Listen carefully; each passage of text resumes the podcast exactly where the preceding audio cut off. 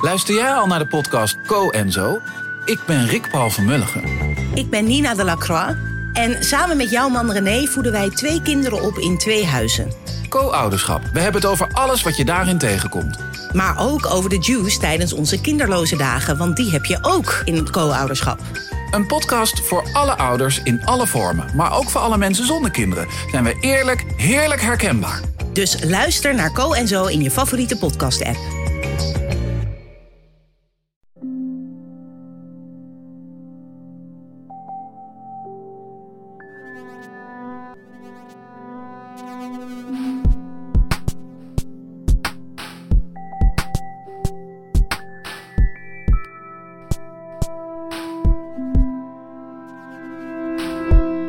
Hallo, ik ben Pieter van Relaas. In Relaas hoor je waargebeurde verhalen en die worden verteld door de mensen die ze zelf hebben meegemaakt.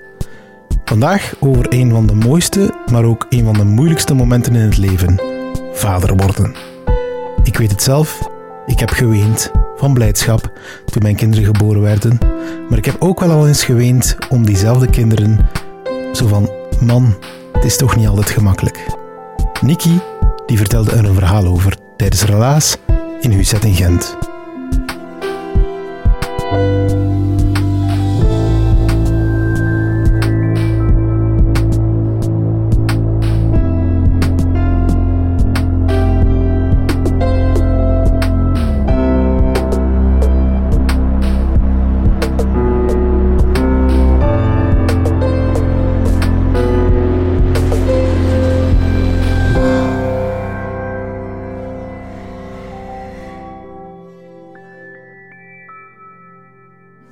Beeld je in dat er hier in deze ruimte een huilende baby ligt.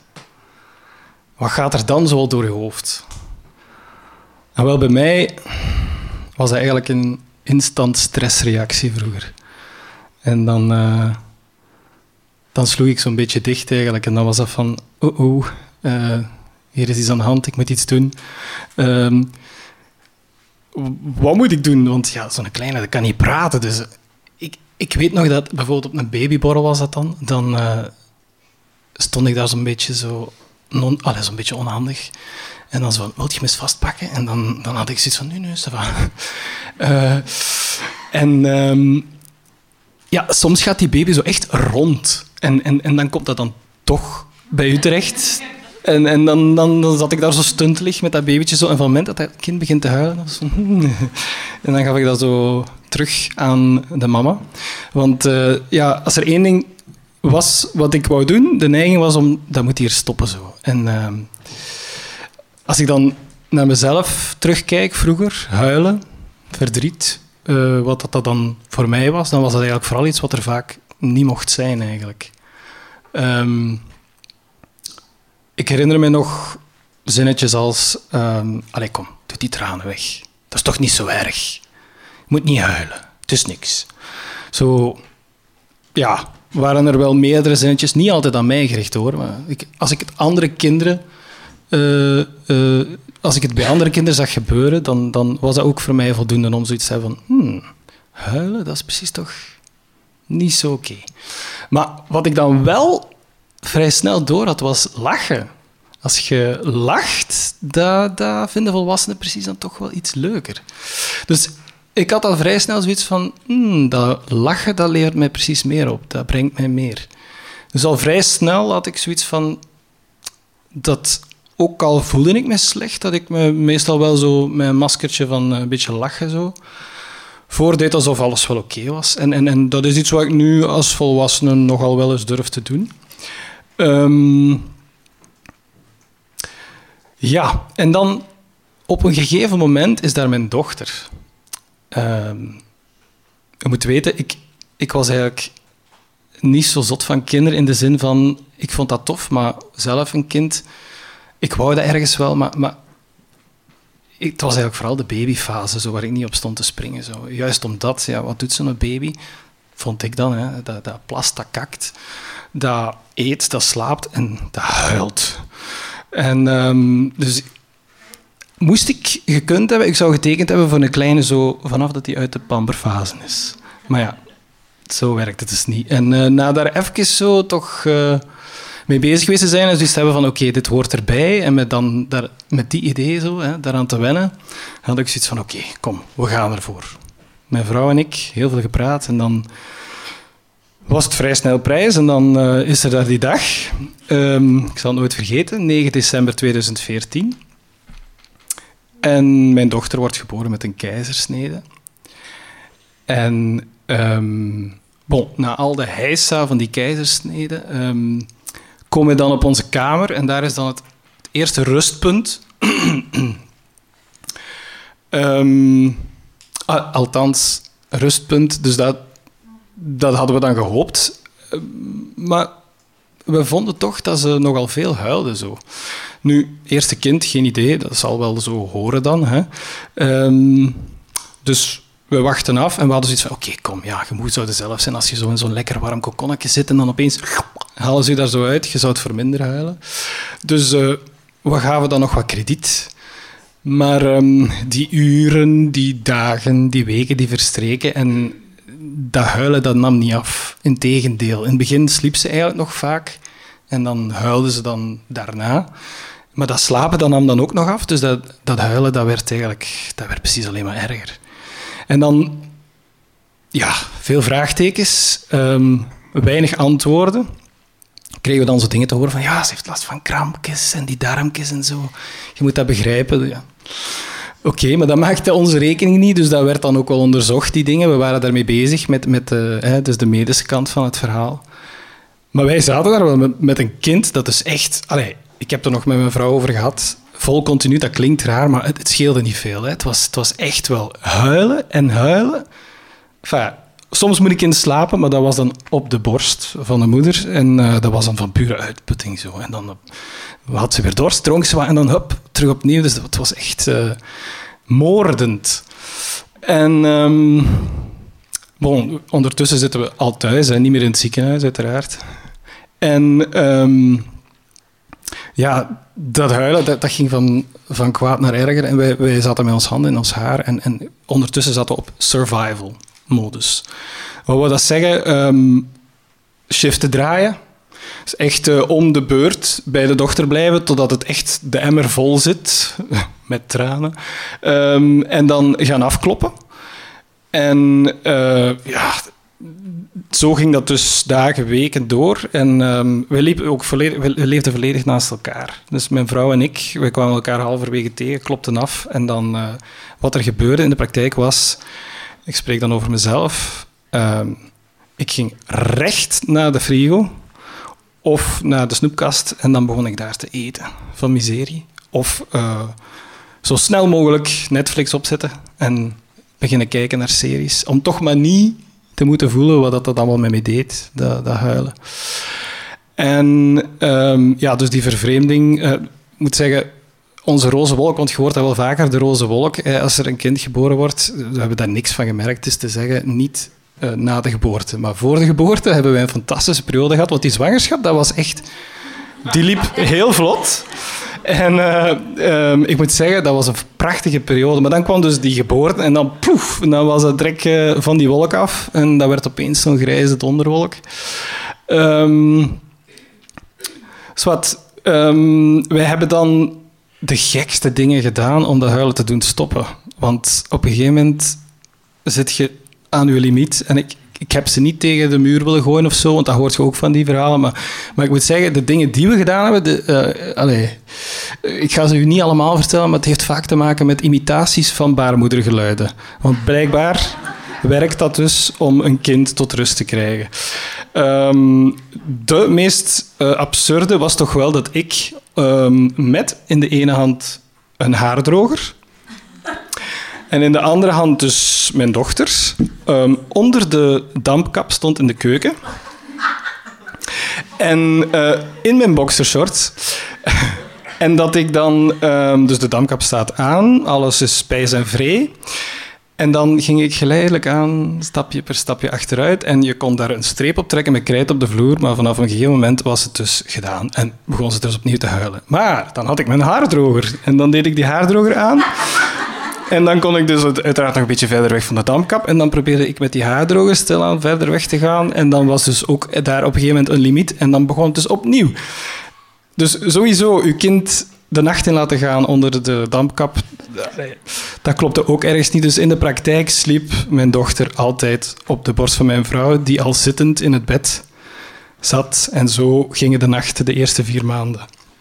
En als ik dus um, s morgens naar mijn werk ging, moet weten, ik vluchtte dus in eten. Ik vluchtte in die uh, tv-series en ook, ik geef het toe en ik ben er niet zo fier op, maar ook in mijn werk. Um, dan zat mijn vrouw s morgens dus in de zetel met de dochter op haar. Huilen, huilen, huilen. En als ik s'avonds terugkwam van mijn werk, zat mijn vrouw daar nog steeds en was het huis ontploft. Want wat ze wel nog kon doen, is met de, het kind in de draagzak uh, de hoogst nodige dingen doen. Wat eten uit de koelkast halen of zo. Maar voor de rest was er eigenlijk weinig beweegruimte. Dus dat was zo het uh, dagelijks tafereel. En um, ja, wat wij vooral gemist hebben in die hele periode eigenlijk is uh, een beetje empathie en een luisterend oor.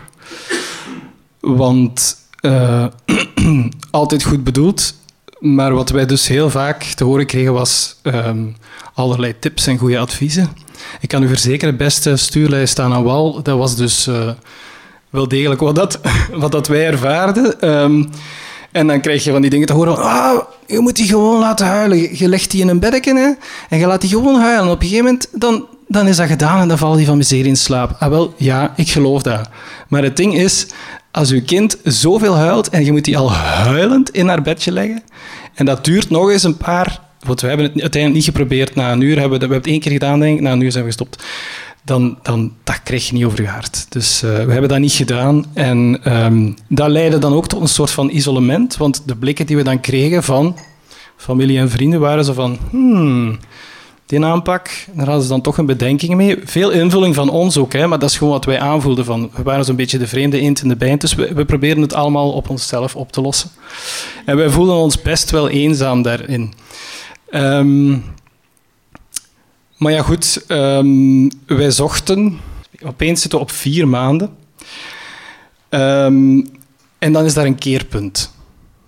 Een keerpunt, het werd beter. En hoe kwam dat? We hadden een probiotica-kuur ontdekt. Uh, dus onze lange zoektocht had dan toch iets opgeleverd. Um, die probiotica-kuur, dat was precies iets magisch. nam dat in en drie dagen later was het echt een wereld van verschil. Eén kuur gedaan, daarna, drie dagen later, poef, terug van hetzelfde. Dus nog zo'n kuur en daarna was het dus beduidend beter. En dan spreek ik dus over niet meer vol continu huilen, maar nog slechts vier à vijf uur per dag. Peanuts voor ons. Ondertussen hadden we ook een boek ontdekt, een boek De Taal van Huilen. En dat gaf ons ook zo wat handvaat om ermee om te gaan. Want uiteindelijk wisten we, het medische stuk is, is behandeld. De, de, allee, we weten wat er aan de hand is, de, darmen zijn nu volgroeid. Dus met dat boek hadden we ook zoiets van, kijk, we kunnen om met dat huilen. Um, en we dachten van laat het nu maar komen. Hè. En dan zat ik op een gegeven moment, paasdag, ik zal het nooit vergeten, ik zit uh, bij mijn ouders in Limburg. En um, we hebben onze traditie eerst lang tafelen en dan in de zetel ploffen. En, toevallig was er veldrijden op. En ik vond het altijd zo leuk vroeger om zo weg te soezen met veldrijden op de achtergrond. En voor de eerste keer lag ik daar met mijn dochter op mijn buik. En um, ze had een beetje gehuild ervoor. En um, ze, ze keek naar mij met haar oogjes zo. En het was dus al heel lang stil. Dat vond ik op zich al fantastisch. En op een gegeven moment beginnen die... Kent je dat als je zo in slaap valt, dat die oogjes zo beginnen weg te draaien in je kassen zo? En ik zag die oogjes zo wegdraaien zo. En zo een smile op haar gezicht. En die valt dus gewoon op mij in slaap. Voor de eerste keer. Sinds vier maanden. En wat doe ik? Ik begin te janken. Ja dat was het enige wat ik kon. Dat was, dat was zo een ontlading. En ik had ook zoiets van, wat is dat nu? Maar dat was het eerste wat naar boven kwam. En ik, het, het mooie was, voor de eerste keer voelde ik ook, amai, dus dat kan het zijn. En, en die roze wolken, ik van, ah ja. En, en dat was die kleine dingen, we zijn die zo meer gaan appreciëren door zo het verhaal van, die, van dat intens huilen. En dan was er op een gegeven moment... Um, dus het gaat beter met de dochter, veel beter. Hè? Um, wij hebben dus ook meer tijd om terug naar elkaar toe te groeien, mijn vrouw en ik. Uh, er was wel een en ander te lijmen.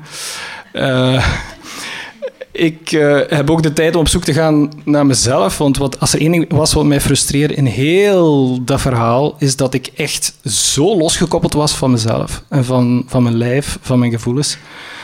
En ik heb gezien de, hoeveel mijn dochter huilde en, en hoe, wat een ontlading dat dat bracht. Want er waren momenten dat zij uh, een, een huilbui had en dat ze dan echt zo gelukzalig daarna was. En ik had zoiets van, ik wil dat ook. Maar ik, ik kon niet huilen. Ik zat echt met een stop gewoon erop. En dat was al van voor mijn dochter er was. Maar mijn dochter heeft me dat gewoon dubbel en dik teruggegeven. Van, en, uh, dus ik was echt op zoek naar huilen. Hoe kan ik hier huilen? En Bon, dan is er daar op een gegeven moment een avond. We zijn ondertussen uh, anderhalf jaar verder, ze is twee jaar. Ze gaat al een tijdje naar uh, een kinderdagverblijf. En ik ben haar tanden aan het poetsen en dus uh, ze huilt ook nog minder ondertussen. Um, maar elke dag huilt ze wel. En we waren dan eigenlijk blij want, en we waren dan ergens dankbaar, want dat was duidelijk bij haar een ontladingsmechanisme. Ik ben haar tanden aan het poetsen en op een gegeven moment begint ze daar te huilen. Dus ik heb zoiets van, oké, bring it on. um, en um, ze begint, ze is nog niet zo lang aan het huilen en op een gegeven moment stopt ze. En ze met grote halen veegt ze haar tranen weg en ze zegt: Doe die tranen weg, stop daarmee, flink zijn. En ik begin terug te huilen. Ja, meteen. Mijn hart breekt in duizend stukken. Want daar stond ik, ik en mijn vrouw, twee jaar lang al dat huilen ontvangen met liefde het mag er zijn. En dan krijg ik te horen op de tweejarige leeftijd van mijn dochter dat het er blijkbaar al niet meer mag zijn op tweejarige leeftijd en dat dat kind dus al een muur aan het optrekken is voor haar tranen. En ik, ik, ik, echt mijn hart brak daarvan. Ik die zo hard op zoek was om die muur terug kapot te maken voor mezelf en daar contact mee te maken. Ik was er echt, ik was er echt de kop van in. Was wat, ik heb dat ook naar mijn dochter heb ik dat wat gekaderd, maar bon, eh, dat is gewoon het leven, hè, het, de harde wereld waar dat ze mee in contact komen. En um, ik blijf op zoek gaan naar manieren om meer contact te maken met mijn gevoelens. En dan zitten we opeens nog twee jaar verder, vorig jaar september. Iets in mij zei, je moet naar dat mannenfestival gaan. Dat, ik weet niet, dat was iets met mannenkwetsbaarheid en... Um, ik dacht, ik ga daar een keer naartoe. Uh, ergens had ik ook wel zo'n gereserveerdheid van, oeh, dat is zo wat fluffy misschien zo en zweverig. Maar bon, ik ben daar naartoe gegaan en dan stonden we daar, uh, dus er waren verschillende workshops. Er was er één die eruit stak, dat was een zweethut-sessie. Um, 25 naakte venten in een zweethut is op zich al een heel aparte belevenis. Um, ik kom daaruit, het is daar balkdonker, ik kom daaruit en ik heb een gevoel, het klinkt weer fluffy, maar ik had een gevoel van wedergeboorte. Ja. Ik stond daar in mijn pure, de zon op mij, wind in mijn haren en iemand die mij aan het afspritsen was met, met, een tuinslang. En wat doe ik? Ik begin daar keihard te huilen. En ik, ik, krijg het zodanig koud, want ik stond daar al een tijdje, ze waren mij dus aan het afspoelen. Dus ik ga naar het vuur, dus ik, ik, ik ga aan het vuur staan en ik dacht, het is voorbij. Ik begin er opnieuw keihard te huilen. Maar echt als een kind. Ik, heb kan me niet herinneren dat ik ooit zo heb gehuild. En dan nog in het bijzijn van zoveel mannen. Ik heb mijn ogen toe en opeens komt er een beer van een vent op mij af. Ik, heb het dus niet gezien, maar ik, op een gegeven moment knuffelt hij mij, pakt hij mij vast. Ik voel zijn spel nog zo hier op mijn buik zitten. Zo. En die zegt tegen mij de woorden: Ik ben hier voor jou. Ik luister. Ik blijf bij jou tot je je beter voelt. Je bent veilig. En toen was het helemaal het hek van de dam. Ik begin nog harder te huilen, want dat, geen zever, waren exacte woorden die ik al die tijd tegen mijn dochter heb gezegd. Die stonden onder andere in dat boek ontvang de tranen met liefde en zeg die woorden tegen je kind. En die man, die wildvreemde man, komt naar mij toe, begint met te knuffelen en zegt die woorden tegen mij. En ik, ik wist niet meer waar ik het had. Dus nog meer tranen. Achteraf ga ik naar hem toe en zeg, wat bezielt u van naar mij toe te komen, mij vast te pakken en dat te zeggen. En hij zegt, ja, ik weet niet. Iets in mij zei van, ga daar naartoe. En die woorden die kwamen vanzelf. Ik vond dat mind-blowing. En voor mij was dat ergens wel een kers op de taart. Dat was precies de stop die eruit kwam. En um, ik ben hem daar heel dankbaar voor. En als ik nu terugkijk op heel die periode, dan ehm, eigenlijk eerlijk gezegd, ik zou het niet anders gewild hebben ook. Want ehm, het is zo'n beetje zo, we zijn nu toch op gedichtendag. Hè? Er is zo'n mooie quote van Leonard Cohen die zegt: There's a crack in everything, and that's how the light gets in. Ah, wel, die eerste vier maanden met mijn dochter, dat was echt wel een serieuze crack. Maar er is ook heel veel licht binnengekomen. En dankzij haar heb ik terug een beetje contact kunnen maken met mijn eigen gevoelens en mijn eigen tranen. En dankzij haar zijn we onze opvoeding ook in vraag gaan stellen. En zijn we andersom beginnen gaan met huilen. En hebben het over een heel andere boek gegooid. En daar ben ik er echt enorm dankbaar voor.